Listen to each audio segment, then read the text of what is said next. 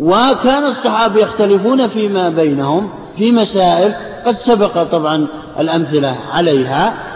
وكان المخالف يعلم أن الصحابة الآخر قد خالفه ومع ذلك يوجب على نفسه العمل بما خالفه به. وإن ثبت ظنا وهذا يدل على عملهم بالظن. فكان هذا جواب عن سؤال مقدر. يقول إن الأدلة كثيرة وأن الأدلة متفاوتة في الرتب والضعف والقوة. نقول نحن نعمل بالقاطع والظني بالقطع والظن فقط. أما إذا انتفى القطع والظن فلا قياس. لا نقيس شيئا على شيء آخر. إلا إذا, إلا إذا وجدت أدلة قطعية وظنية. آه، وجدت أوجدت العلل التي تسببت في إلحاق الفرع بالأصل. نعم. فصل قال النظام. العلة المنصوص عليها توجب الإلحاق بطريق اللفظ والعموم لا بطريق القياس. نعم. هذا النظام ذكر هذه المسألة ورد عليه الجمهور فقال أنا عندي إن العلة إذا كانت منصوصة عليه وافقكم على أنه يلحق بها كل الجزئيات لا أخالفكم ولكن عن طريق عموم اللفظ. فإذا قال الشارع حرمت الخمر لشدته أو لكونه مسكرا فإني ألحق جميع المسكرات به لكن عن طريق عموم اللغة وعموم اللفظ يعني لا عن طريق القياس. نعم هذه العبارة. قال النظام العلة المنصوص عليها توجب الإلحاق بطريق اللفظ والعموم. لا بطريق القياس إذ لا فرق في اللغة بين قوله حرمت الخمر لشدتها وبين قوله حرمت كل مشتد وهذا خطأ. نعم. يقول لا فرق. يعني يقول إن عند العبارة حرمت الخمرة لشدتها أو أن يقول حرمت الخمرة آه، أو حرمت كل مشتد.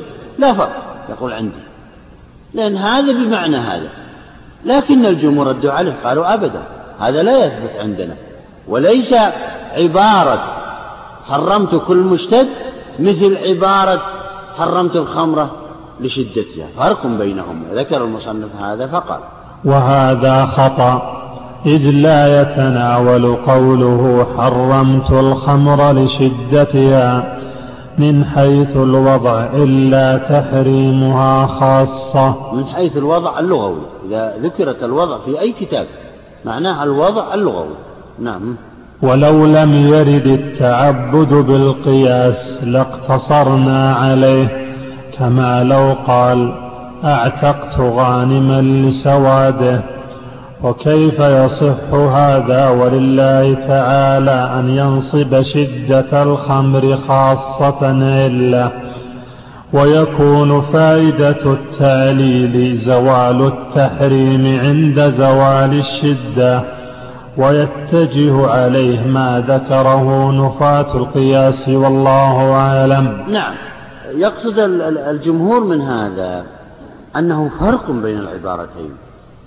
بين قوله حرمت الخمر لشدتها وبين قوله حرمت كل مشتد. النظام لا يفرق بينهم يقول هذا بمعنى هذا من حيث العموم اللغوي. لكن الجمهور قالوا أبدا فرق بينهما.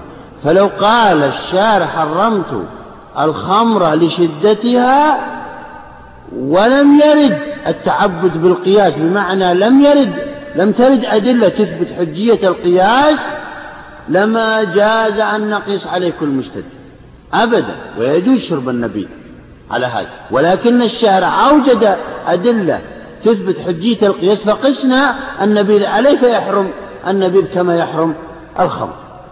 كما يحرم الخمر. يقول كما قلنا هناك لما قال السيد لعبده لما قال السيد لوكيله أعتق سالما لسواده فلا يجوز للسيد للوكيل أن يعتق كل أسود أبدا لأنه لم يرد أيضا القياس في كلام المكلفين.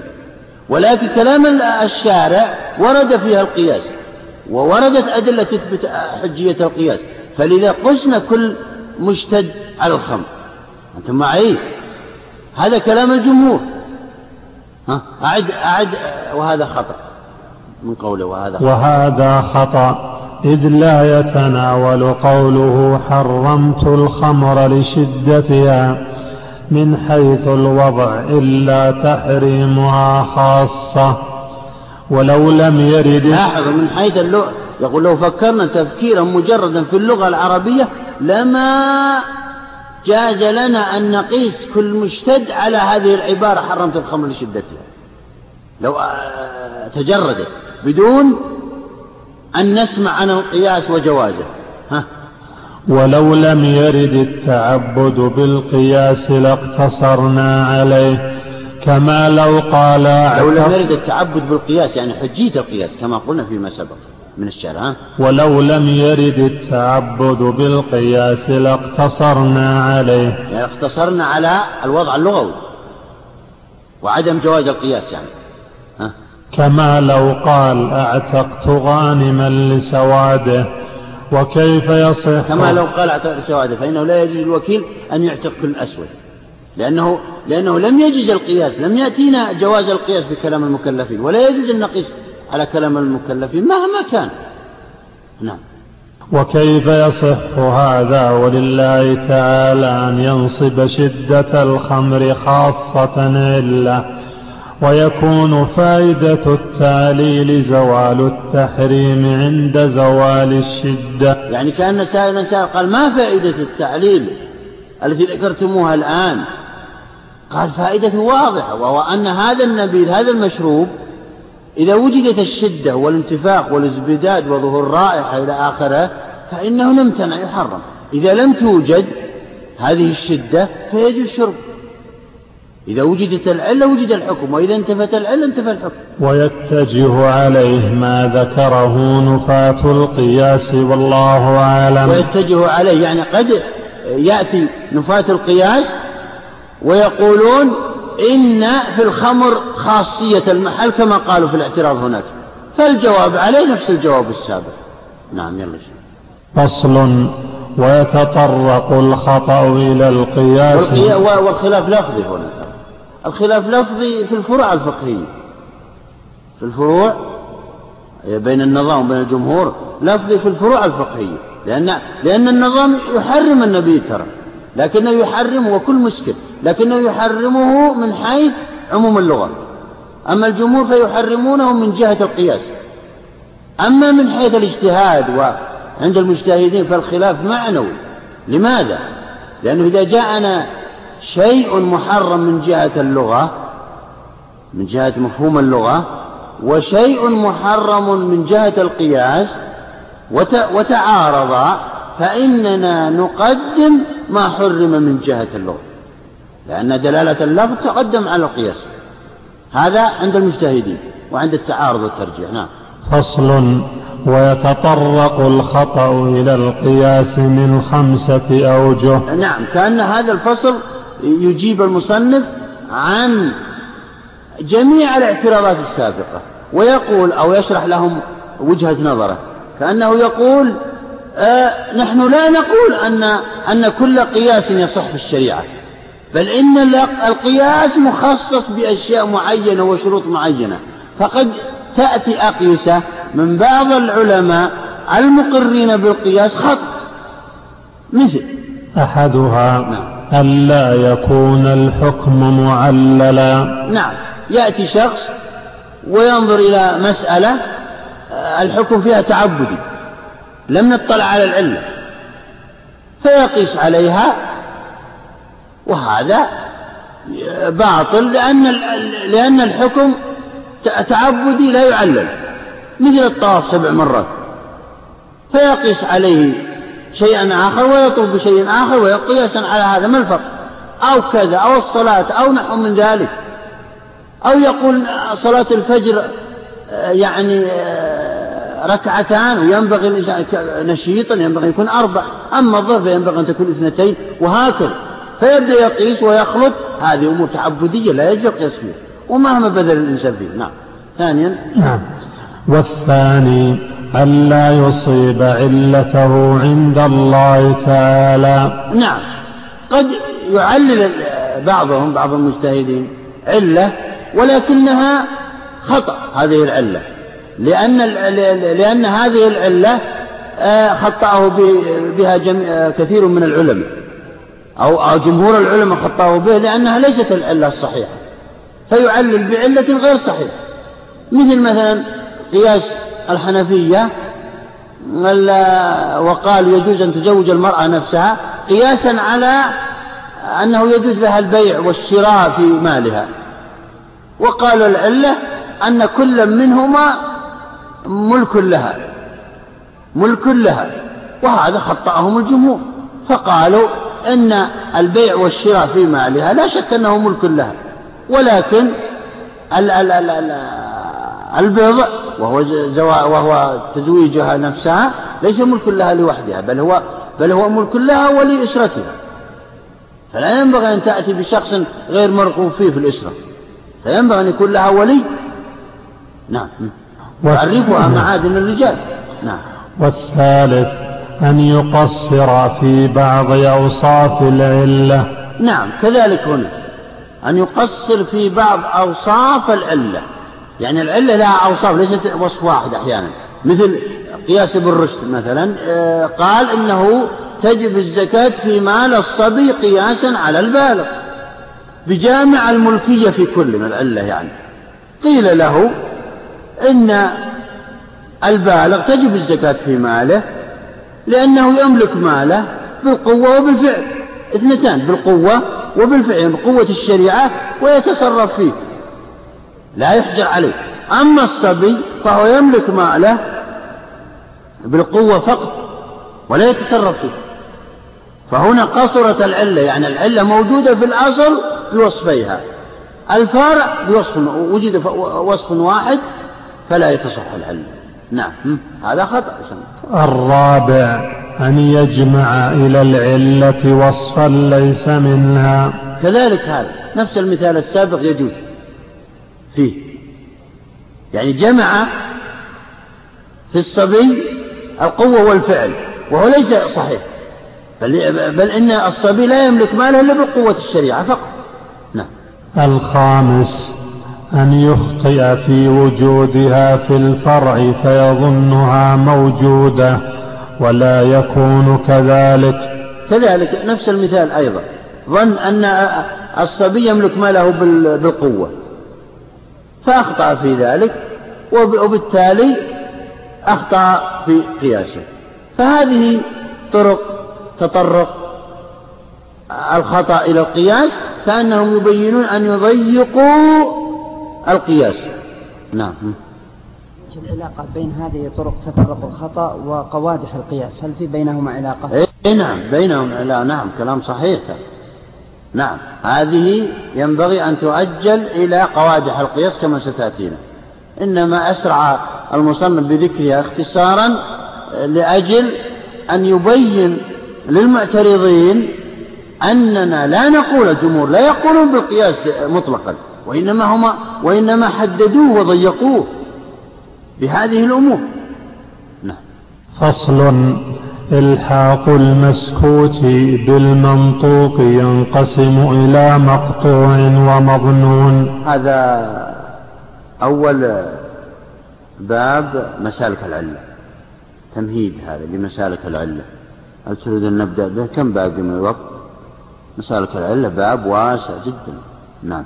فصل إلحاق المسكوت بالمنطوق ينقسم إلى مقطوع ومظنون. يعني يقصد إن إلحاق هذا المسكوت عنه وهو الفرع بالأصل إما أن يكون إلحاقا مقطوعا به وهو ينقسم إلى قسمين أن يكون الفرع أولى بالحكم من الأصل أو يكون مساويا له وهذا أخذناه بدلالة النص هناك دلالة مفهوم الموافقة. الآن سيأتينا ذكر المصنف لهذا. وإما أن يكون هذا الإلحاق ظنيا وهو القياس. الخفي الذي إيه؟ وهو القياس الخفي الذي سيتكلم عنه وسيتكلم عن آه كيفية إيجاد علته. فقال هنا. فالمقطوع ضربان أحدهما. أن يكون المسكوت أولى بالحكم من المنطوق وهو المفهوم. نعم وهو المفهوم السابق يعني مفهوم الموافقة الأولى أو المساوي كما سبق ذكره. لكن أتى به هنا للتمهيد فقط كأنه يقول إنه إذا كان الحكم إذا كان الحكم أولى بالمسكوت عنه من المنطوق فهذا لا يدخل في القياس. كذلك إذا كان مساويا له كما سيأتي لا يدخل في باب القياس. نعم. ولا يكون مقطوعا حتى يوجد فيه المعنى الذي في المنطوق وزيادة. نعم. كقولنا يعني مثل, مثل المثال الذي ذكر هنا هناك وكرر. وهو إذا كان الشارع حرم التأفيف ومجرد التضايق من الوالدين فمن باب أولى تحريم الضرب والشتم والسب والقتل. هذا يسمى قياس قطعي أو مفهوم الموافقة. لأن المسكوت عنه وهو الفرع أولى بالحكم من المنطق به. نعم. ولا يكون مقطوعا حتى يوجد فيه المعنى الذي في المنطوق وزيادة. كقولنا إذا قبل شه إذا قبل شهادة اثنين فثلاثة أولى فإن الثلاثة اثنان وزيادة. هذا مثال واضح. هذا مثال واضح يعني بمعنى أنه إذا قبل في الشرع شهادة اثنين فقبوله لثلاثة عدول أولى وآكد في الحكم. نعم. وإذا نهى عن التضحية بالعورى فالعمياء أولى. فإن العمى عور مرتين. نعم. يقول إذا أش... طبعا بين المجزئ في الأضحية بين أن هناك أربع لا تجزئ منها العوراء في... فقاس العلماء العمياء عليها لأن العمياء عور مرتين. ولكن العلماء خالفوا في هذا ترى هذا المثال غير صحيح. لماذا؟ قالوا إن العمياء تجزي في الأضحية. والعورى لا تجزي ما سبب ذلك؟ قالوا لأن العورى قد لا يتنبه إلى عورها صاحبها فتتخبط ولا تأكل وبذلك تهزل ولا تجري مثل صواحباتها آه، معهن يأكل. إنما تتبع العين التي ترى فتذهب يمينا ويسارا. أما العمياء فإن صاحبها يعلم عنها أنها عمياء بدلالة تخبطها في الجدران وغيرها فيتنبه لها ويعطيها علفا آه، آه، علفا نقيا أيضا فتسمن وتصلح الأضحية لذا قالوا إن هذا المثال غير صحيح. نعم. فأما قولهم إذا وجبت الكفارة في الخطأ ففي العمد أولى وإذا ردت شهادة الفاسق فالكافر أولى. يعني كأن المصنف أتى بالمثالين الأولين أنهما جائزان في المسألة وهو أن المسكوت عنه أولى بالحكم بالمنطوق. فالمثال الأول صحيح لكن المثال الثاني اعترض عليه كما بين. أما المثالان الأخيران فاعترض عليهما المصنف فبين اعتراضه هنا. قال أما قولهم؟ فأما قولهم إذا وجبت الكفارة في الخطأ ففي العمد أولى وإذا ردت شهادة الفاسق فالكافر أولى. فهذا يفيد الظن لبعض المجتهدين وليس من الأول. لأن العمد نوع يخالف الخطأ فيجوز ألا تقوى الكفارة على رفعه بخلاف الخطأ. والكافر يحترز من الكذب لدينه والفاسق متهم في الدين. نعم. يقول هنا إن بعض العلماء قال إذا أوجب الشارع الكفارة في القتل الخطأ فمن باب أولى أن نوجب الكفار قياسا يعني قياس أولى أن نوجب الكفار الكفارة في من قتل عمدا. يقول المصنف هذا غير صحيح. لماذا؟ لأن الخطأ إثمه خفيف فقويت الكفارة على تكفير هذا الذنب لأن الكفارة لماذا سميت كفارة؟ لأنها تقوى على تكفير الذنب وإزالته. أما العمد فلا يمكن. لأن تعمد عمدا عدوانا أن يقتل كذا مع سبق الإصرار كما يسمونه والتخطيط لذلك. فلا تقوى الكفارة على كذا. مثل ما قلنا هناك إذا أن الإنسان جامع في نهار رمضان فإنه تجب عليه الكفارة لكن إذا شرب عمدا أو أكل عمدا من غير عذر فلا تجب عليه كفارة ويبطل صيامه يبطل صيامهما لكن لا تجب على الكفارة على الثاني لماذا؟ لأنه تعمد مخالفة الشارع فلا تقوى أي كفارة على تكفير هذا الذنب. تعمد أما هناك الجماع في نهار رمضان فقد يكون الشهوة الطاغية عليه غلبته فتقوى الكفارة على تكفير الذنب. وكذلك هنا كذلك المثال الآخر.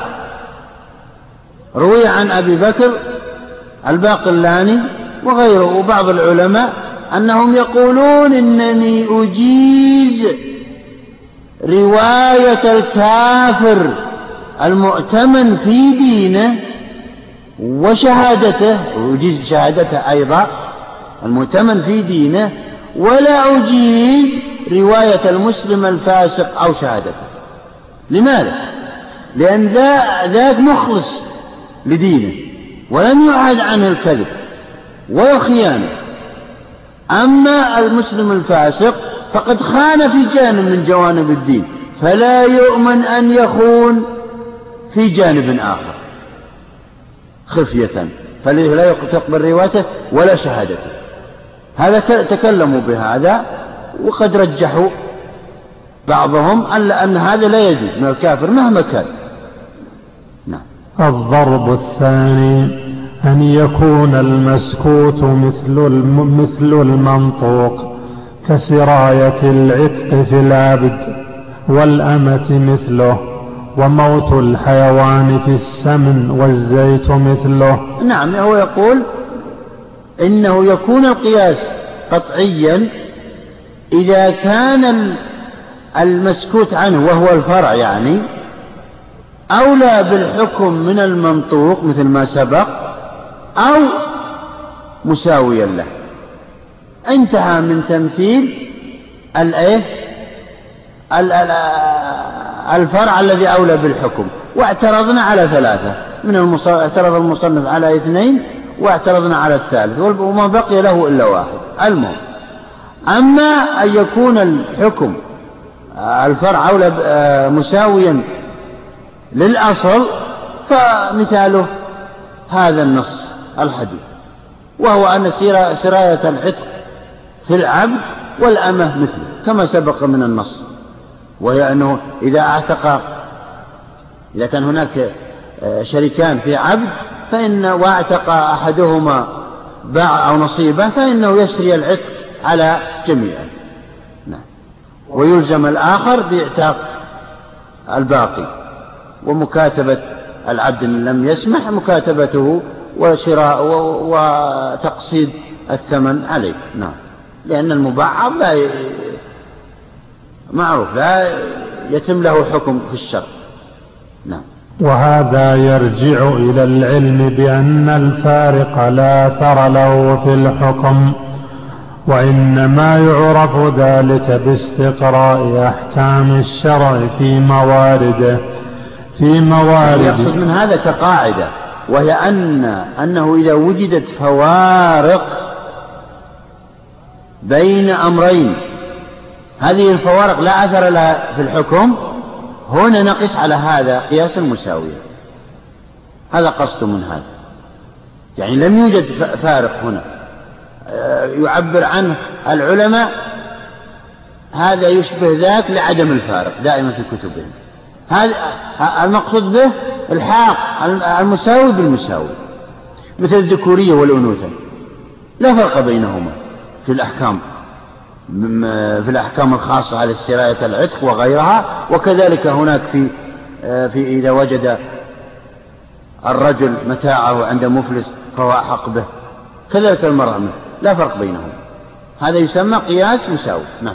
وهذا يرجع إلى العلم بأن الفارق لا أثر له في الحكم وإنما يعرف ذلك باستقراء أحكام الشرع يعني في آه، كأن سائلا سأل قال كيف نعرف عدم الفارق؟ كيف نعرف عدم الفارق بين الناس؟ بعض الناس الآن لا يفرقون بين مختلفين كليا هذا لا ضابط له. قال المصنف هنا مجيبا وإنما وإنما يعرف ذلك باستقراء أحكام الشرع في موارده ومصادره في ذلك الجنس وضابط هذا الجنس ما لا يحتاج فيه إلى التعرض للعلة الجامعة. نعم هو يقول ضابط ذلك أو الذي يعرفنا عن عدم الفارق بين هذين الأمر أو أمرين من الأمور هو أن الذي لا يفرق هو المجتهد. الذي طول عمره يشتغل بالشريعة مصادرها ومواردها ولا يضيع أي لحظة إلا وهو يشتغل بالشريعة. هذا هو الذي لا يفرق بين اثنين أو بين أمرين في الشريعة. فيلحق هذا بذاك ليس كل أحد ولو كان حافظ الكتاب والسنة لا يتدخل في هذا الأمر إلا إذا بلغ درجة الاجتهاد. هذا الذي لا يفرق بينهما. نعم. وضابط هذا الجنس ما لا يحتاج فيه إلى التعرض للعلة الجامعة. أي نعم. يعني بمعنى أنه لا يحتاج المجتهد الذي عرف موارد الشريعة ومصادرها أن يذكر العلة. هذا لا يذكر فيه علة. للتساوي الدقيق بينهما لعدم الفارق وهذا لا يعرفه إلا من بلغ الذروة في الاجتهاد. نعم. بل بنفي الفارق المؤثر ويعلى. بل بنفي الفارق المؤثر بل بنفي الفارق المؤثر. هناك فارق لكن لا يؤثر. هناك فارق بين المرأة والرجل لا شك. لكن هذا الفارق الذكوري والأنوثة لا لا تؤثر في الحكم.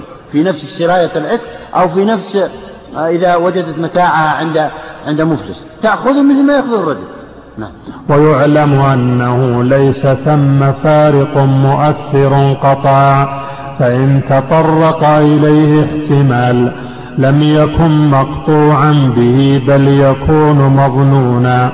وقد نعم إذا وجد احتمال أن بينهما فارقا فهذا احتمال ضعيف يعني مرجوح. فغلبنا أنه لا يوجد لا يؤثر هذا هذا الفارق. فلذلك ألحقناه بذلك نعم. وقد اختلف في تسمية هذا قياسا وما وما عدا هذا من الأقيسة فمظنون. نعم.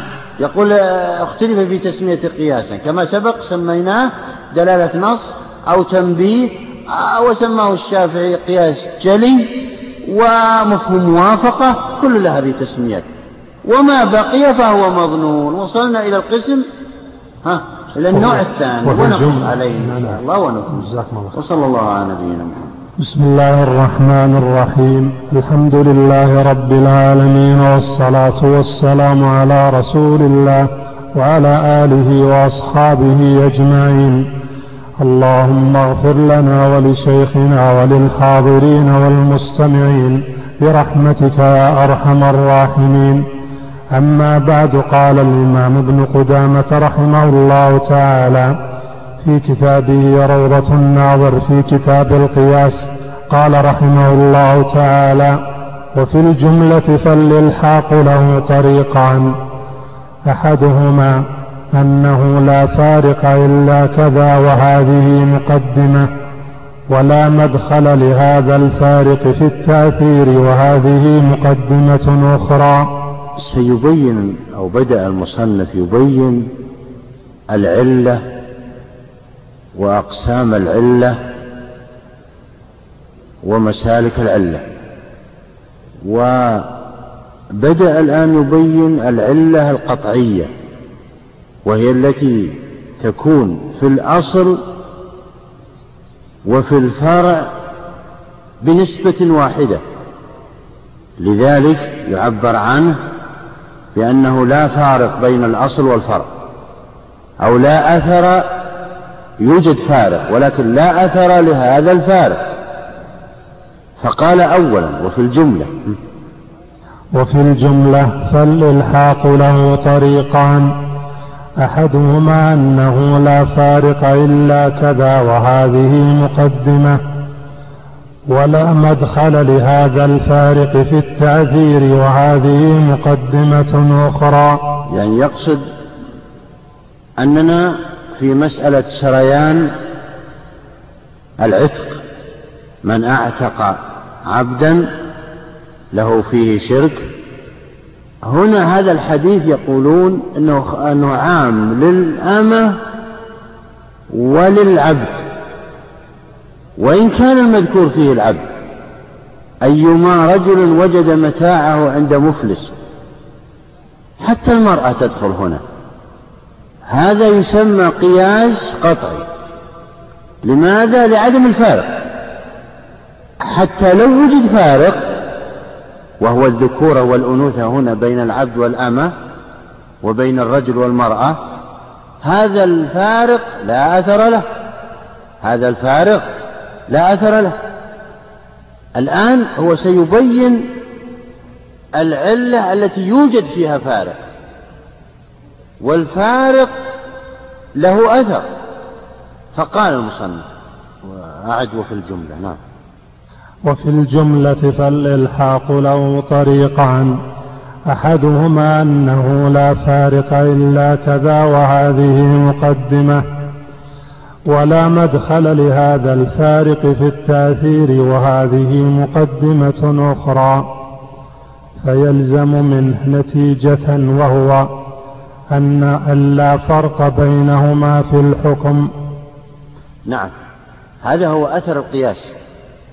إذا قسنا شيئا على شيء في علة موجودة في الأصل والفرع لا فرق بينهما أو يوجد فرق ولا أثر للفرق فإن القياس يكون قطعي هنا. والحكم الموجود في الأصل يكون في الفرع بقطعيته لا بظنيته لأن دلالة القياس ظنية. إذ لو وجد فرق كما سيأتينا وهو باب القياس الواسع لو وجد فرق لكانت دلالة القياس ظنية. لكن هنا لا يوجد فرق وإن وجد لا أثر له. فمثلا هذا يسمى القياس القطعي. فمثلا القياس الظني. قسنا النبيذ على الخمر. النبيذ يسكر كالخمر. لذلك العلة الجامعة بينهما الإسكار لكن إسكار الخمر غير إسكار النبيذ. فلذلك ألحق النبيذ بالخمر الحاقا ظنيا وليس قطعيا. لذلك قالوا من من شرب الخمر خالف دليلا قطعيا. فيوجد, أك... فيوجد أشد من ذاك ويأثم أكثر من الذي شرب النبيذ لأنه خالف دليلا قطعيا. أما من شرب النبيذ وما قيس على الخمر جميعا من المسكرات فإنه خالف دليلا ظنيا وهو القياس. لأنه الإسكار نفسه لو دققتم فيه لاختلف من النبيذ إلى الخمر. الخمر لا يمكن لمن شربه أن يدرك حقائق الأمور مستحيل.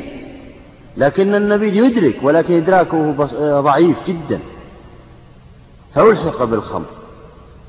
هذا قياس ظني أما القياس القطعي فهو الذي فهو الذي سبق لنا وذكره المصنف هنا. وهو أنه لا فارق بين الأصل والفرع. أيما رجل وجد متاعه عند مفلس فهو أحق به. المرأة أي المرأة تكون كالرجل هنا قطعيا هذا. أي كأن النبي صلى الله عليه وسلم قال أيما امرأة وجدت متاعها عند مفلس. لا فرق بينهما. لا نقول إن دلالة النص هنا لا نقول إن دلالة النص هنا للرجل قطعية وللمرأة ظنية. لا يختلف الوضع في القياس القاطع هنا. وبعضهم يسميه دلالة نص وبعضهم يسميه مفهوم موافقة مساوي. وبعضهم يسميه تنبيه وإيماء. وبعضهم يسميه قياسا جليا وهو الشافعي. لأنه قياس قطعي. ولا أكثر العلماء يسمي قياس قطعي. نعم. فيلزم منه نتيجة وهو ألا فرق بينهما في الحكم. وهذا إنما يحسن إذا ظهر التقارب بين الفرع والأصل فلا يحتاج إلى التعرض للجامع. نعم. إذا ظهر التقارب بين الفرع والأصل ظهورا واضحا جليا لا يحتاج إلى إمعان نظر في, في, في استنباط العلة.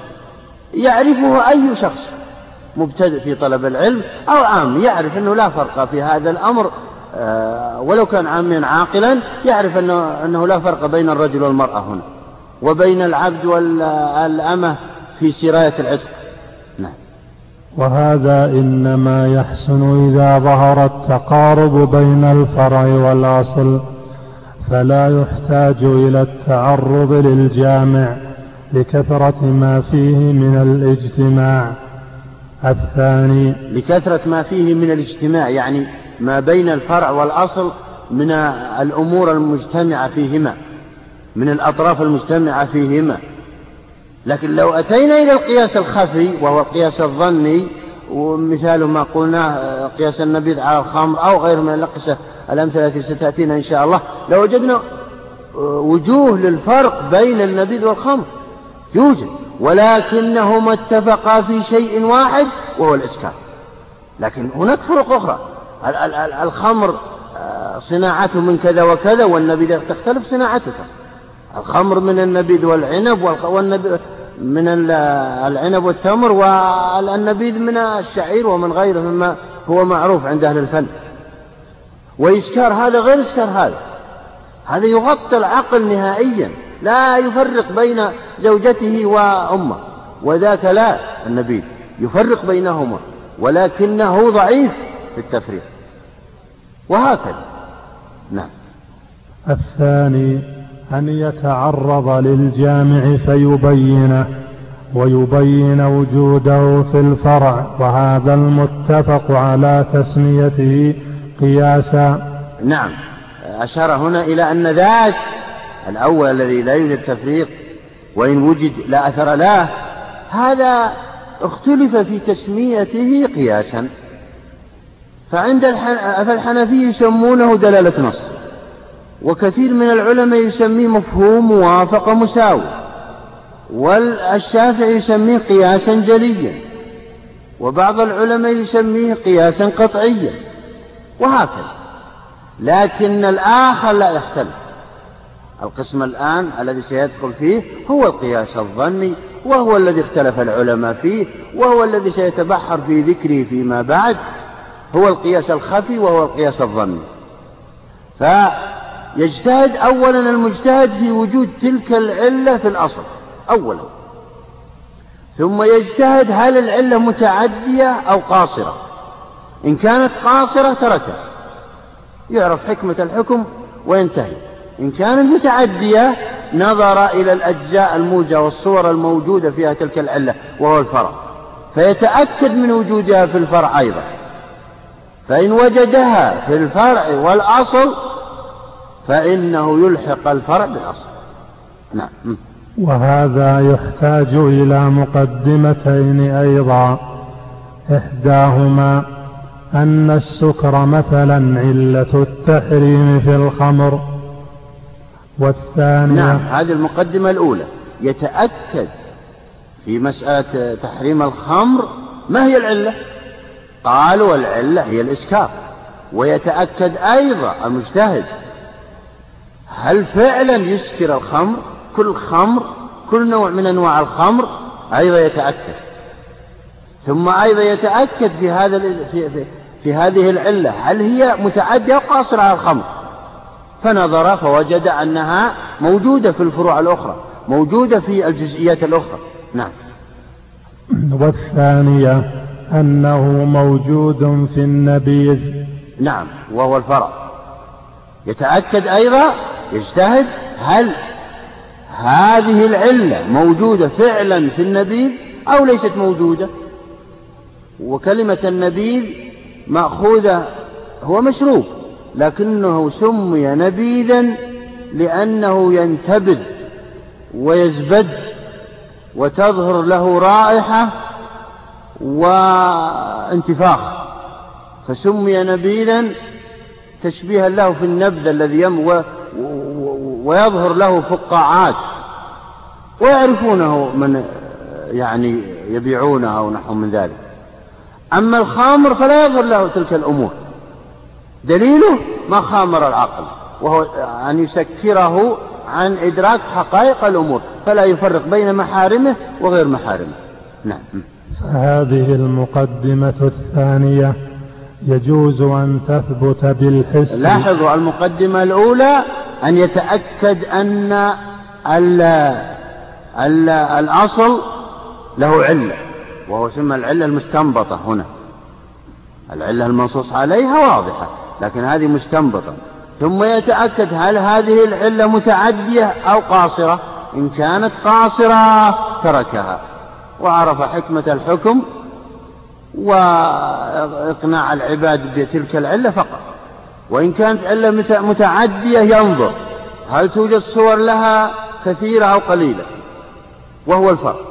فيتأكد يأتي المقدمة الثانية. إذن يتأكد هل يوجد الإسكار في ذلك المشروب من نبيذ أو غيره أم لا.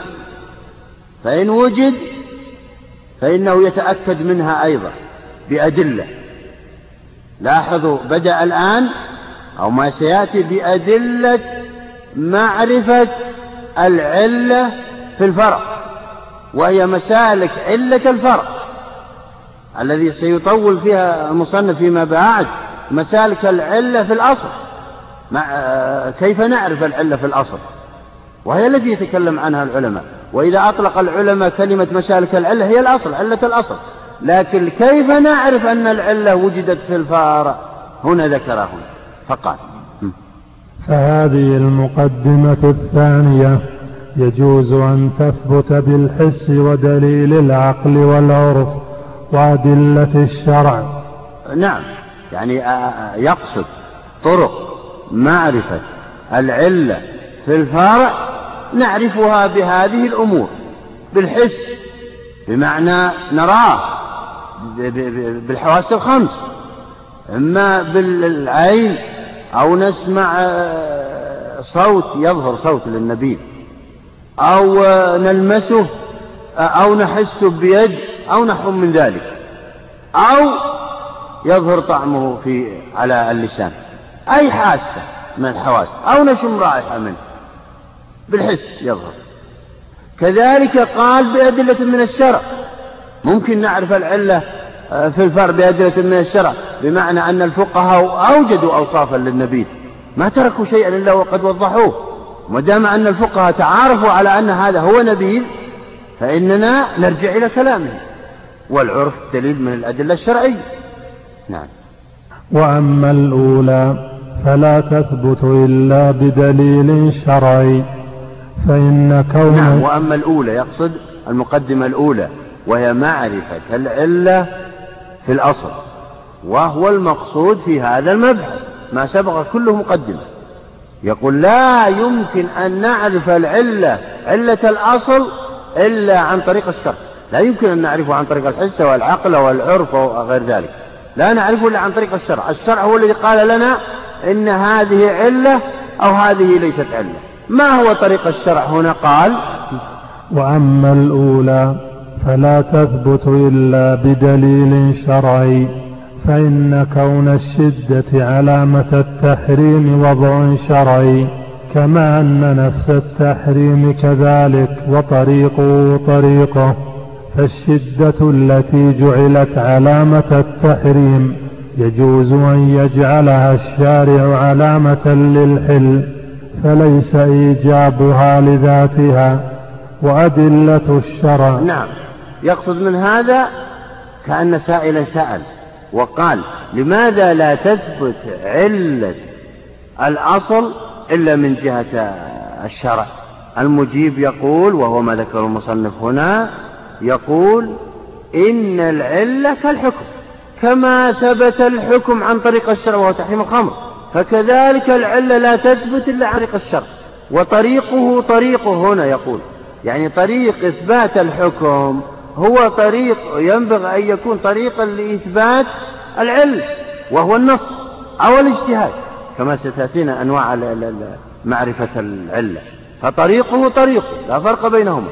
لماذا؟ قال لأن الله عز وجل قادر على أن يجعل الخمر حلالا. والشدة وهي المقصود بالشدة هي النبيذ إذا اشتد وازبد كما قالوا. يشتد ويزبد وتظهر له رائحة أو كذا ونحو ذلك. كذلك الخمر. خمر تقسم من بعض هذه الأمور. إذا وضع في الشمس وغير ذلك من التمر إذا وضع في الشمس تظهر له هذه الأمور. بمعنى عصير التمر إذا وضع في الشمس مدة طويلة تظهر له هذه العلامات وهي علامات الإسكار كما قالوا. آه فلذلك قادر الله عز وجل أن يجعل الخمر حلالا فكذلك النبيذ يجعله حلالا. فمثل ما أنه حرم الخمر بطريق وهو النص فكذلك جعل معرفة العلة لابد أن تكون طريق طريقها إيه؟ دليل من الشر. لا فرق بينهما. لا يمكن أن نحرم شيئا من عن طريق الحس ولا عن طريق العرف ولا عن طريق العقل كما فعلنا في معرفة آه، علة الفرع. هناك نعرفها لكن لا نحرمها ولا نحللها لكن نعرفها بالحس والعرف والعقل وغير ذلك. لكن العلة في الأصل لا لا نعرفها إلا عن طريق دليل من الشارع. ما هي الأدلة؟ كأن سائلا سأل وقال ما هي الأدلة التي تعرفنا هذا أن هذا معلل وأن علته كذا؟ قال وأدلة الشرع ترجع إلى نص أو إجماع أو استنباط فهذه ثلاثة أقسام. نعم. أنواع مسالك العلة هذه تسمى مسالك العلة الثلاثة أو تقولون طرق معرفة العلة. أو تعبرون بأي تعريف دليل إثبات العلة. فهنا تثبت بالنص أولا ثانيا بالإجماع ثالثا بالاجتهاد. النص كما سيأتينا أن ينص الشارع على العلة. نصا واضحا ظاهرا لا جدل فيه في الكتاب والسنة.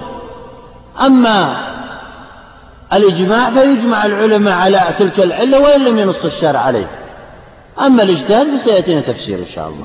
فقال أولا الإجماع أولا النص نعم. القسم الأول إثبات العلة بأدلة نقلية وهي ثلاثة واضرب. الأول الصريح وذلك أن يرد نعم بأدلة نقلية وهي النص يعني.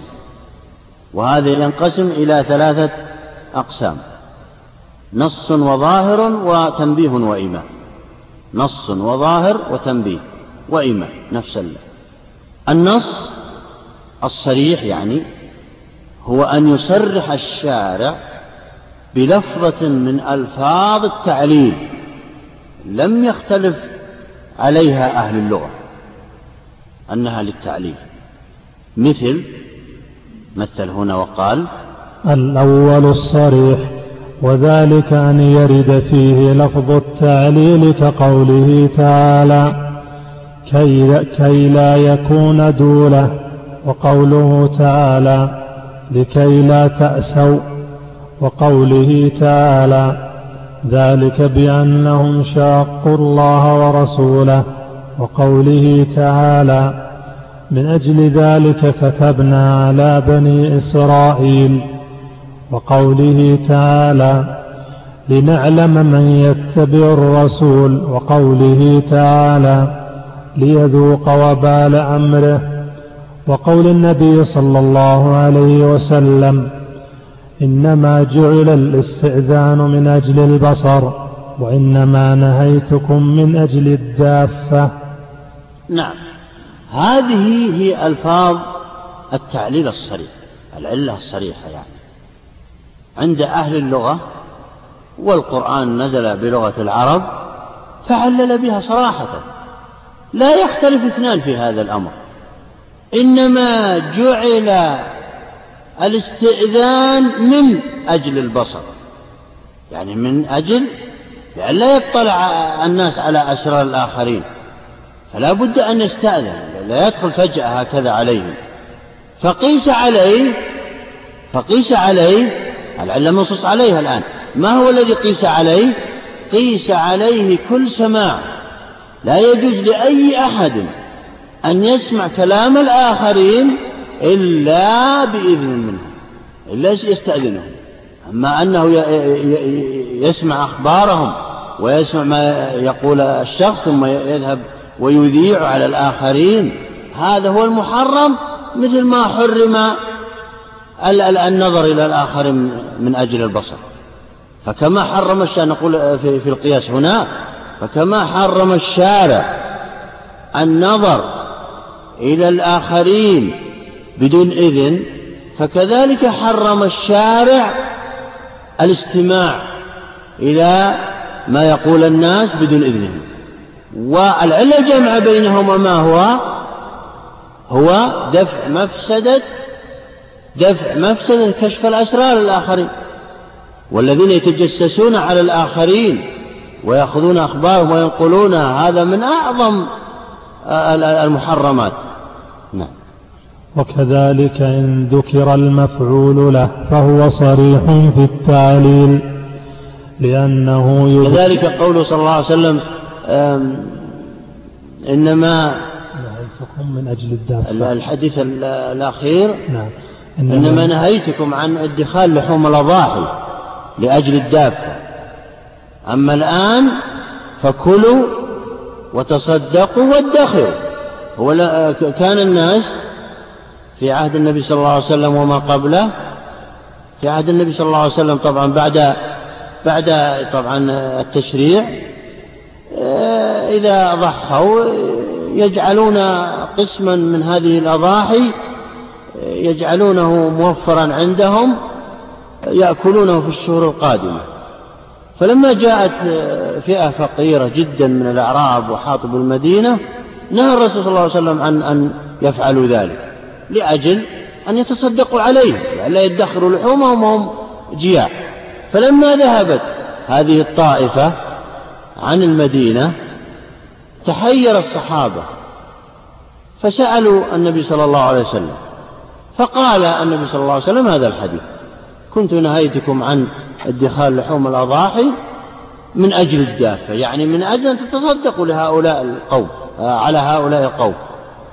فهذا صريحة في التعليل واضحة يعرفها أي أي آه، إنسان عنده آه، ولو مبادئ في اللغة العربية أن هذا تعليل. لذلك لم يختلف العلماء فيه. نعم. وكذلك إن ذكر المفعول له فهو صريح في التعليل لأنه يذكر للعلة والعذر كقوله تعالى لأمسكتم خشية الإنفاق وقوله تعالى ويجعلون أصابعهم في آذانهم من الصواعق حذر الموت حذر الموت مفعول له يعني مفعول لأجله. هو مفعول لا هو المفعول لأجله يعني لماذا كان سائل يقول لماذا يجعل أصابعهم في آذانهم؟ علل وقال حذر الموت. وهكذا. فهذا من الصريح أيضا نعم. وما جرى هذا المجرى من صيغ التعليل فإن قام دليل على أنه لم يقصد التعليل نحو نحو أن طبعا هذا التعليل أو العلة الصريحة عند الإطلاق. أما إذا وجدت قرينة ودليل قوي يصرف هذا التعليل عن كونه تعليلا إلى شأن آخر فنأخذ بهذه القرينة وهذا الدليل ونترك الصريح مثل ما ذكره المصنف هنا. نعم. فإن قام دليل على أنه لم يقصد التعليل نحو أن يضاف إلى ما لا يصلح علة فيكون مجازا كما لو قيل لم فعلت هذا؟ قال لأني أردت فهذا استعمال اللفظ في غير محله. نعم لاحظوا هذا التعليل. يعني إذا سئل شخص وقيل له لماذا تأخرت؟ عنا في موضع يعني اجتماع وأنت منهم. فعلل وقال لأني أردت. لاحظ التعليل. هذا التعليل لا يدل على أن المجيب عاقل. ولا وليس فيه لا جلب مصلحة ولا دفع مفسدة. لأنه من شروط العلة كما سيأتينا إن شاء الله أن العلة يجب أن تكون متضمنة جلب مصلحة للبشرية أو دفع مفسدة عنها. وإلا ما صلحت أن تكون علة هذا قال لأني أردت. فهل هذا تعليل عاقل؟ فهو لم يتكلم أصلا باللغة العربية. لذلك لا لذلك يرفع عنه القلم مثل هؤلاء. ولا ينظر إلى كلامه. لا من قريب ولا من بعيد. يعني ما علل بتعليل مناسب وملائم للقضية. لما سئل عنه يعني.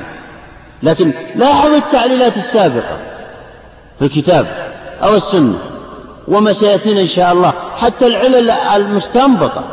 لابد أن تتضمن آه، جلب مصلحة أو دفع مفسدة. لابد من هذا وإلا ما صلحت علة لذلك يقول العلماء إن الأحكام الشرعية كلها تدور حول أمرين إما جلب مصالح للعباد والبلاد أو دفع مفاسد عنها. سواء أدرك العقل البشري هذه المصالح وهذه المفاسد أو لم يدركها.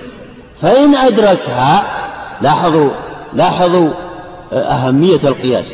فإن أدركها بسبب طبعا معرفة الشخص لموارد الشريعة ومصادرها وكثرة اشتغاله بها فإن أدركها أدرك يعني جلب المصالح ودفع المفاسد فهذا الذي يحق له أن يقيس.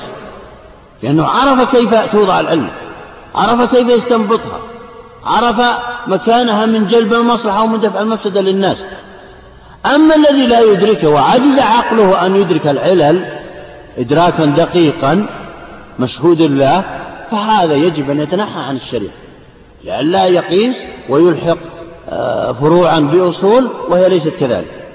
فقوله هنا لأني أردت هذا يدل على أنه ما علم وإن نطق بلفظ العلة وإن نطق بلفظ العلة. فهذا يدل على أنه آه، يعني آه، كون هذه العلة غير متضمنة لجلب مصلحة أو دفع مفسدة.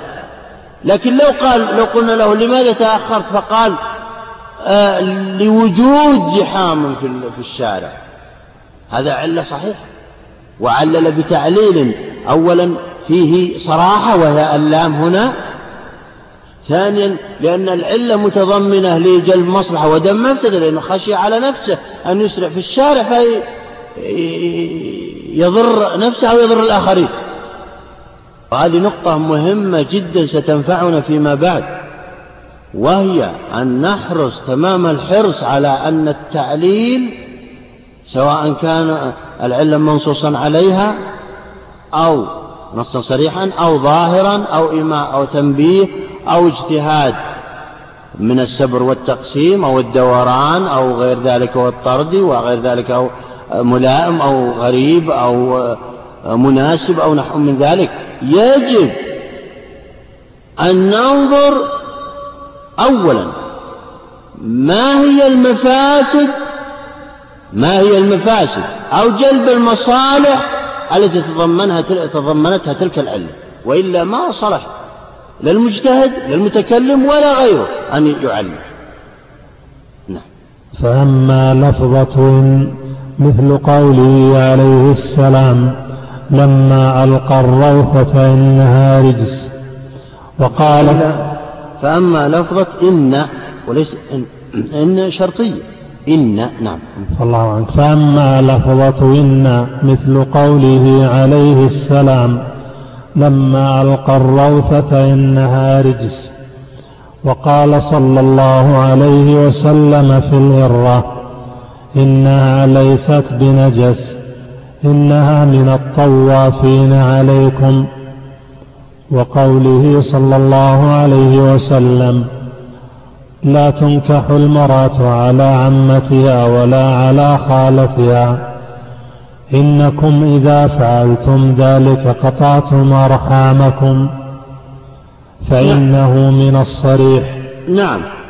اختلف في كلمة ما سبق متفق عليه. لأن ولأجل ولغير ذلك من الأمور واللام التعليلية كلها تسمى نص صريح في التعليل. لكن إن هنا اختلف العلماء فيها.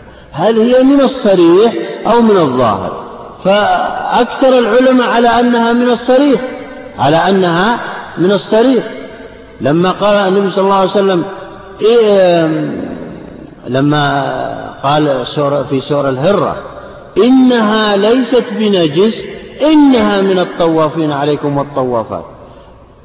كلمة إن إن الأولى ليست تعليلية. إثبات الحكم. الثانية علة لها إنها. كأنه قال لأنها من الطوافين عليكم والطوافات. يعني لو لو أردتم أن تطردوا الهرة فإنكم لن تستطيعوا. لأن لكثرة تطوافها وصعوبة التحرز منها ليست كالكلب. إذا ولغ الكلب في إناء أحدكم فليغسله سبعا. مع أنهما يأكلان النجاسة معا. ومع ذلك رفع الحرج الشارع بالنسبة للهر. لماذا؟ لمشقة التحرز منها لكثرة تطوافها في البيت. فقاس العلماء الفأرة وأي حشرة من الحشرات قاسوا عليها. فإذا شربت من ماء يجوز أن نتوضأ منه. وإن غلب على ظننا أنها أكلت نجاسة. وهذا يغلب في جميع الهرم تأكل النجاسة. ولكن إذا خرجت طبعا للشارع. ولكن آه، رفع الحرج الشارع عن عن الأمة لأنهم إذا كانت هذه هذه الهرة آه، ولغت في ماء وشربت منه آه، أهرقه هذا الإنسان فإنه يلحقه ضرر ضرر عظيم. والناس كانوا يجلبون المياه من بعيد آه، نهارا ليستعملوه في الليل ليستعملوه في الليل وهكذا. فهذا من باب رفع الحرج. فإن يقولون إنها من صريح التعليم لذلك قاس العلماء عليها جميع جميع الحيوانات والحشرات التي هي في مستوى بدن الهرة فما تحت قالوا إذا شربت من ماء فإنه. إلا قالوا الحشرات التي يغلب على الظن أنها نشأت من الكليف وهي الدورات وهي البيارات الآن كالصوارير وغيرها. نعم. فإن انضم إلى أن حرف الفاء فهو آكد نحو قوله عليه السلام لا تقربوه طيبا فإنه يبعث ملبيا. نعم. يعني يقصد أن آه، عند كثير من العلماء يقولون إن إن من التعليل الصريح. فإن سبقتها ألفاء فهي آكد أكد هذا التعليل. لا تقربوه طيبا فإنه يبعث يوم القيامة ملبيا لأن المحرم لا يتطيب. فلذلك أبعد عنه الطيب. وأخذ العلماء من هذا المفهوم هذا أن غير المحرم إذا مات يطيب وهو مفهوم الصفة كما سبق لنا. كذلك الحديث الآخر. نعم لا تجمع بين سبق هذا لا تنكح المرأة على عمتها ولا على خالتها إنكم إذا فعلتم ذلك قطعتم أرحامكم. لا تنكح المرأة على عمتها ولا على خالتها فإنكم إن فعلتم ذلك أو إنكم كما هي الرواية الأخرى فهي صريح. ومع ذلك جمهور الرافضة ينكرون هذا التعليل وإنه وإن كان صريح. وينكرون أحد نفسه. فلذلك يجوز عندهم زواج على الخالة وعلى يعني إذا كانت زوجته لها خالة تزوج خالتها عليه عند بعض الروافض. نعم.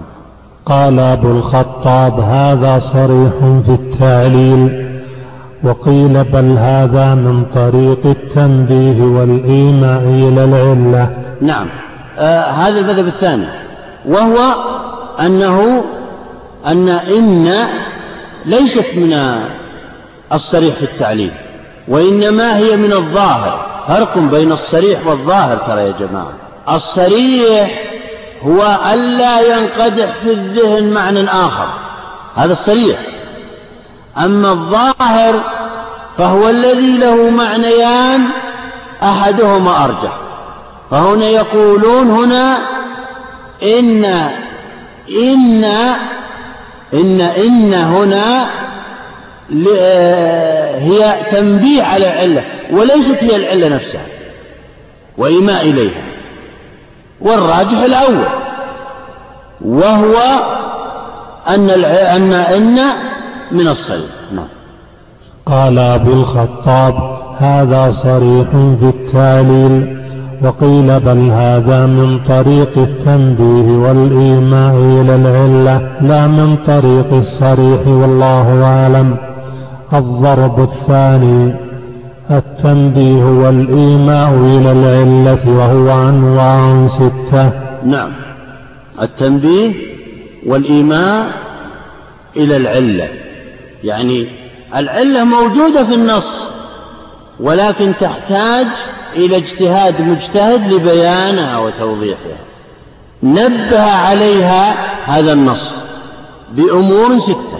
الأول أحدها أن يذكر الحكم عقيب وصف بالفاء فيدل على التعليل بالوصف. كقوله تعالى قل هو أذى فاعتزلوا النساء في المحيض. نعم.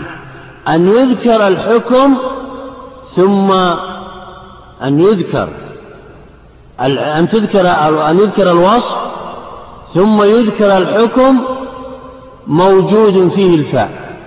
قل هو أذى فاعتزلوا. هو تقدير الآية اعتزلوا النساء في المحيض فإنه أذى أصلا لأنه أذى. هذا هو التقدير. لكنه قدم الوصف لأهميته. قدم الوصف هنا لأهمية هذا الوصف وأنه علة الحكم. لأن السؤال الوارد من بعض الناس في يسألون عن المحيط دائما أو عن غير ذلك هو عن لماذا الابتعاد عن عن الحائط؟ فذكر العلة أولا ثم ذكر الحكم. فقال قل هو أذى يعني وصف هذا الشيء بأنه أذى. فاعتزلوا فاعتزلوا أي اعتزلوا لأنه أذى. طبعا والأذى وطبعا رفع أو حرم الشارع ذلك لدفع المفسدة والمضرة عن المجامع والواطئ لأنه يضر فيه في صحته ونفسيته ويضر في المرأة في صحتها ونفسيتها. نعم. وقوله تعالى والسارق والسارقة فاقطعوا أيديهما. كذلك. اقطعوا يد السارق لأنه سرق. فالسارق والسارق والسارقة فاقطعوا. فالفاء هنا جاءت الحكم وهو مقرون بالفاء جاء بعد الوصف. فيكون الوصف هو العلم الذي قبله قاعدة في كل آية وفي كل حديث. ولاحظ قال عقيب أو عقيب ما الفرق بينها وبين عقب؟ الفرق الفرق هو الزمن. عقيب عقيب مثلا أنا قلت لك زرني عقب العصر عقب صلاة العصر. معنى ذلك أنك أن الواجب عليك وكذا موسع. ممكن تزورني بعد بعد مباشرة أو بعد بعد فترة إلى المغرب. ولك الخيار. لكن إذا عقيب وعقيب فإنه هذا ينص على أنك تزور بعد صلاة العصر مباشرة. وهكذا هنا في الحكم. ذكر عقيبة يعني يعني مباشرة من غير فاصل بين الواص وبين العلة. والسارق والسارقة فاقطعوا ما في شيء بينهما. لذلك القراء الآن الذين يفصلون بالسارق والسارق ثم يتنفسون آه، كذا هذا غير صحيح. لا بد أن يصلوا هذه الآية مع بعضها. قل هو قل هو أذى فاعتزلوا. مباشرة. نعم. وقول النبي صلى الله عليه وسلم من بدل دينه فاقتلوه. نعم. من بدل دينه فاقتلوه. اقتلوه العلة التقدير لأنه بدل دينه إذا أردناه صريحا. ولكن تقديم الوصف وبعده حكم مقرون بالفاء هذا يدل على أن هذا الوصف علة للحكم. قاعدة مضطردة في كل الكتاب والسنة. نعم. وقوله صلى الله عليه وسلم ومن أحيا أرضا ميتة فهي له. من أحيا أرضا ميتة فهي له. يعني بمعنى أن الإحياء طبعا له شروط سواء كان بالتسوير أو بالزراعة أو نحو من ذلك مما ذكره العلماء فهي له أي يملكها ملكا شرعيا. فهنا لماذا ملكت الأرض؟ لأني أحييتها وهكذا. نعم. فيدل ذلك على التعليل. لأن الفاء في اللغة للتعقيب فيلزم من, من ذكر الحكم مع الوصف بالفاء ثبوته عقيبة فيلزم منه السببية. إذ لا معنى للسبب إلا ما ثبت الحكم عقيبة. نعم يعني بمعنى يلزم من التعليل السببية هنا. هنا اجتمعت العلة مع السبب. يعني سبب الملك هو الإحياء سبب تحريم وطء الحائض هو كون الحيض أذى. وهكذا في بقية الأمثلة. قد يسأل سائل ويقول لماذا كان هذه القاعدة ووجدت هذه القاعدة؟ يقول المجيب هنا في كلام المصنف إن إن وجود الحكم بعد الوصف يومئ إلى أن الوصف سبب لوجود الحكم. والسبب العلة يومئ ويشير وينبه إلى أن الوصف سبب لوجود الحكم. يعني سبب وجود تحريم وطأ الحائض هو كونه عدم وهكذا. سبب ملكية الأرض لهذا الشخص كونه أحياها نعم. ولهذا يفهم منه السببية. وإن انتفت المناسبة نحو قوله صلى الله عليه وسلم من مس ذكره فليتوضأ. يقصد من هذا أن هذا يفهم منه السببية وإن لم توجد مناسبة وملائمة بين الحكم والسبب عند كثير من الناس. لكن عند بعضهم وجدت الملائمة والمناسبة بينهما وهي دفع مفسدة أو جلب مصلحة. يعني يعني كأنه يقول هذه قاعدة نصية وظاهرة لكل شخص. إذا وجد الحكم مقرون بالفاء بعد وصف معناه أن الوصف هو العلة سواء عرفت أنت المناسبة والمقصود بالمناسب ترى والمناسبة هو ما في الحكم من جلب مصلحة أو دفع مفسدة.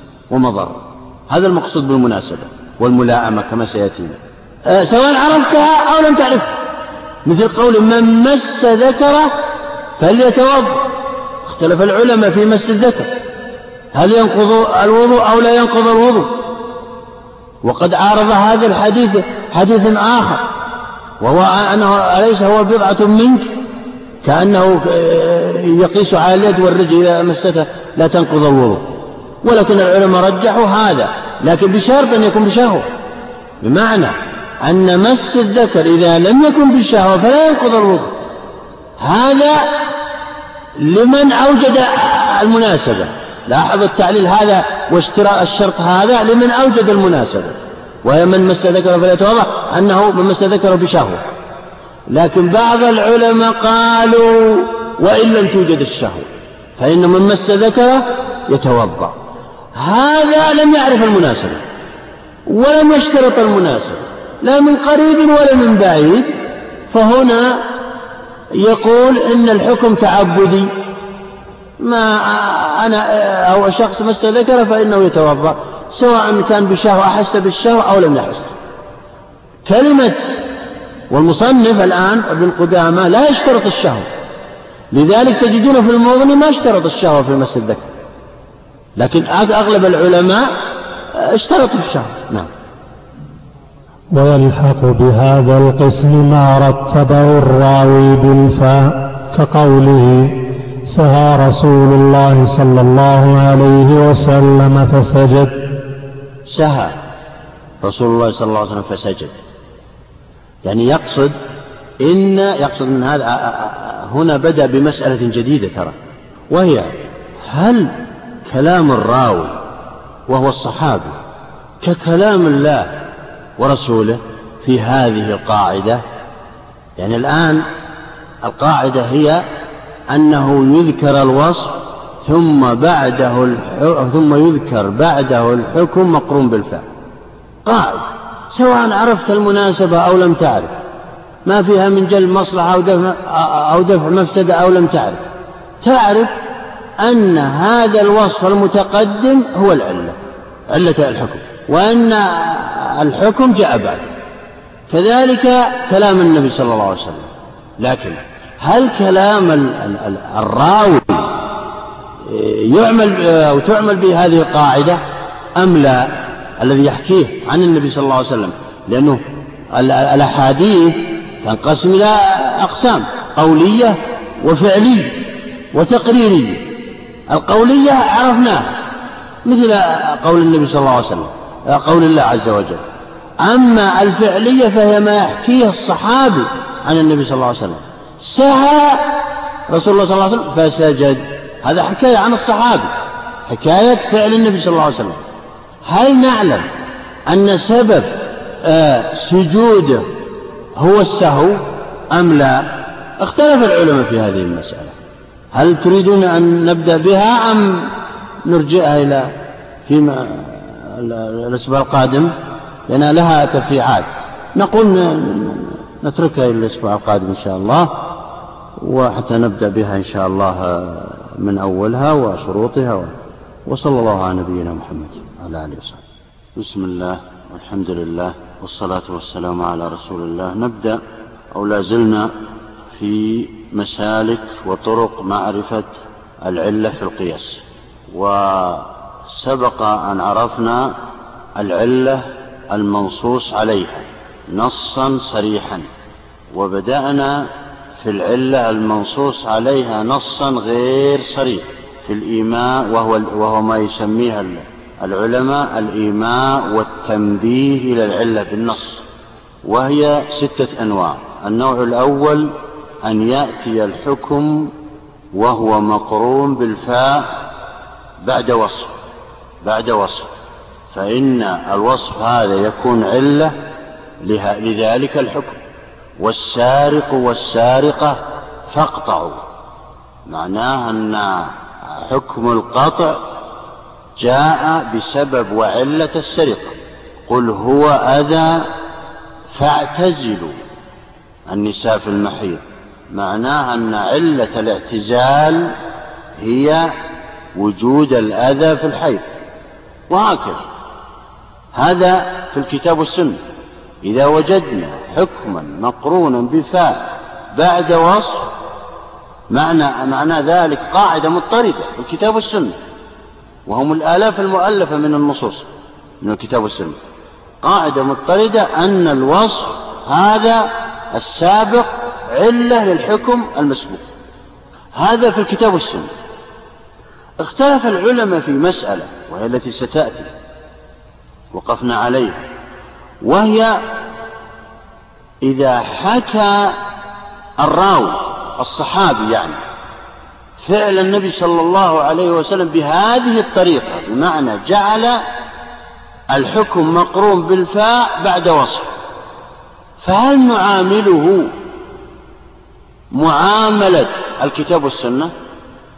يعني هل نجعل الوصف هو العلة والحكم المقرون بالفاء هو حكمه؟ سعى قال الصحابي سعى رسول الله صلى الله عليه وسلم فسجد. هذا يحكي فعل النبي صلى الله عليه وسلم بأسلوبه طبعا بأسلوب المتكلم بأسلوب الصحابي وليس هذا كتاب ولا سنة بلفظ النبي صلى الله عليه وسلم. وإنما هو سنة فعلية يعني رأى هذا الصحابي فعل النبي صلى الله عليه وسلم وحكاه لنا بأسلوبه بألفاظه. فهل نعامله معاملة الكتاب والسنة؟ اختلف العلماء على ثلاثة أقوال في هذه المسألة. القول الأول بسم الله الرحمن الرحيم. الحمد لله رب العالمين والصلاة والسلام على نبينا محمد وعلى آله وصحبه أجمعين.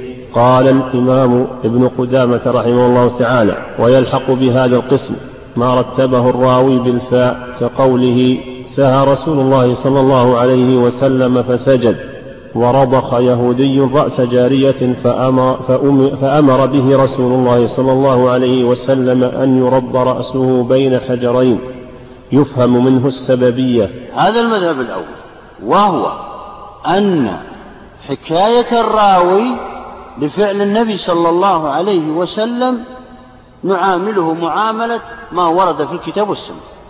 فإذا الراوي تلفظ بهذا وحكى الحكم مقرون بالفاء قبله وصف فإننا نجعل هذا الوصف هو العلة. سعى رسول الله صلى الله عليه وسلم فسجد. يعني سبب سجوده هو السهو. علة سجوده. رضخ يهودي رأس جارية بين حجرين فرضخ النبي صلى الله عليه وسلم رأسه بين حجرين.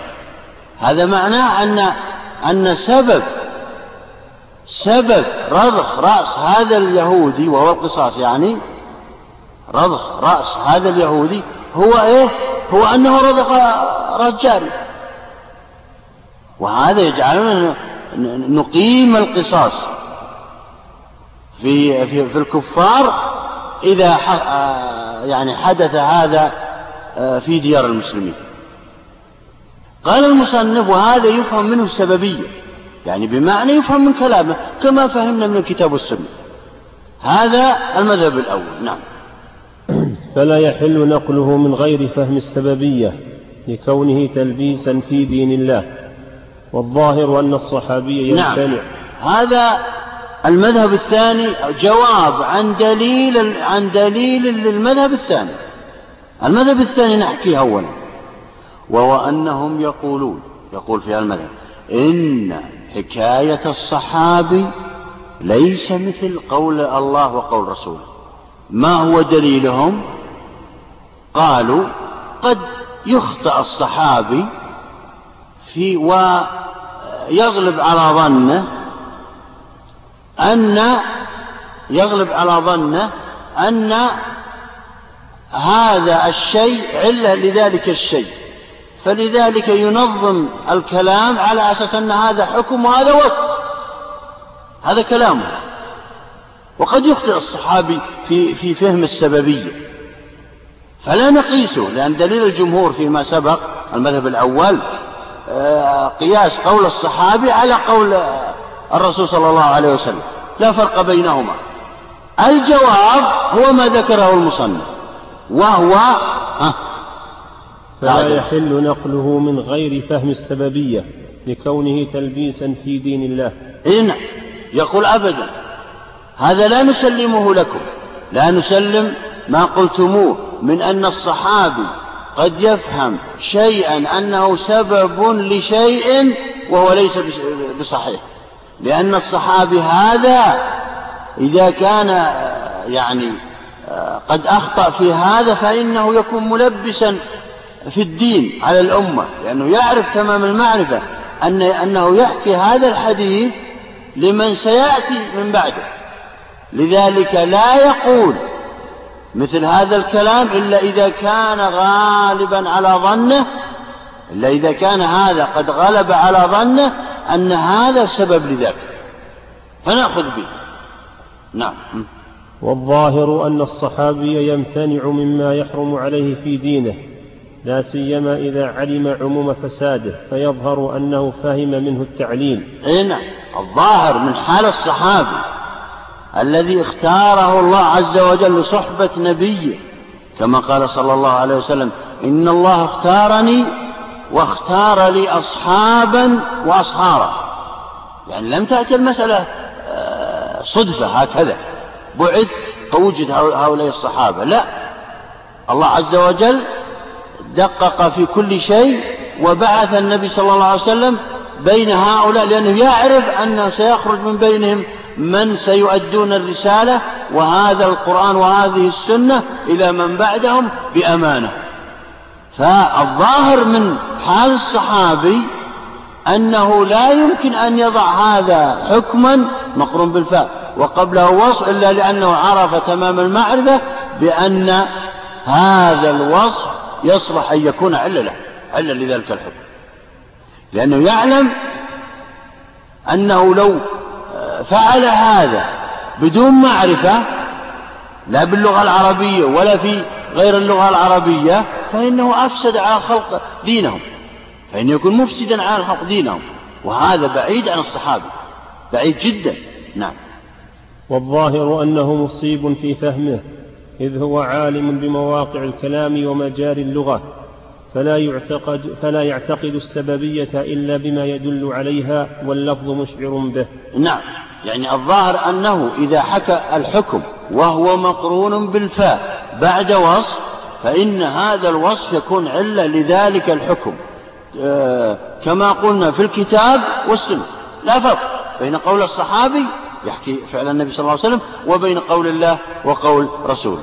لا فرق بينهما. لأن لأنه اجتمع فيه أمران. الأول ما ذكره سابقا وهو أن أنه يعلم تمام العلم أنه لو قال هكذا جزافا أو هو شاك أنه مفسد على الأمة. هذا أول. ثانيا أن الصحابة من فصحاء العرب يعرفون أنها أن هذا يصلح أن يكون سببا لذاك. لذلك قدم الوصف على الحكم.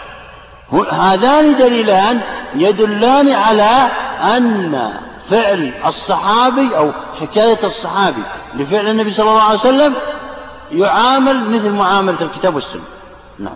ولا يحتاج إلى فقه الراوي فإن هذا مما يقتبس من اللغة دون الفقه. هذا المذهب الثالث. المذهب الثالث فيه تفصيل. القول الأول أن حكاية الصحابي لفعل النبي صلى الله عليه وسلم بمثل هذه الأمثلة نعاملها معاملة الكتاب والسنة مطلقا.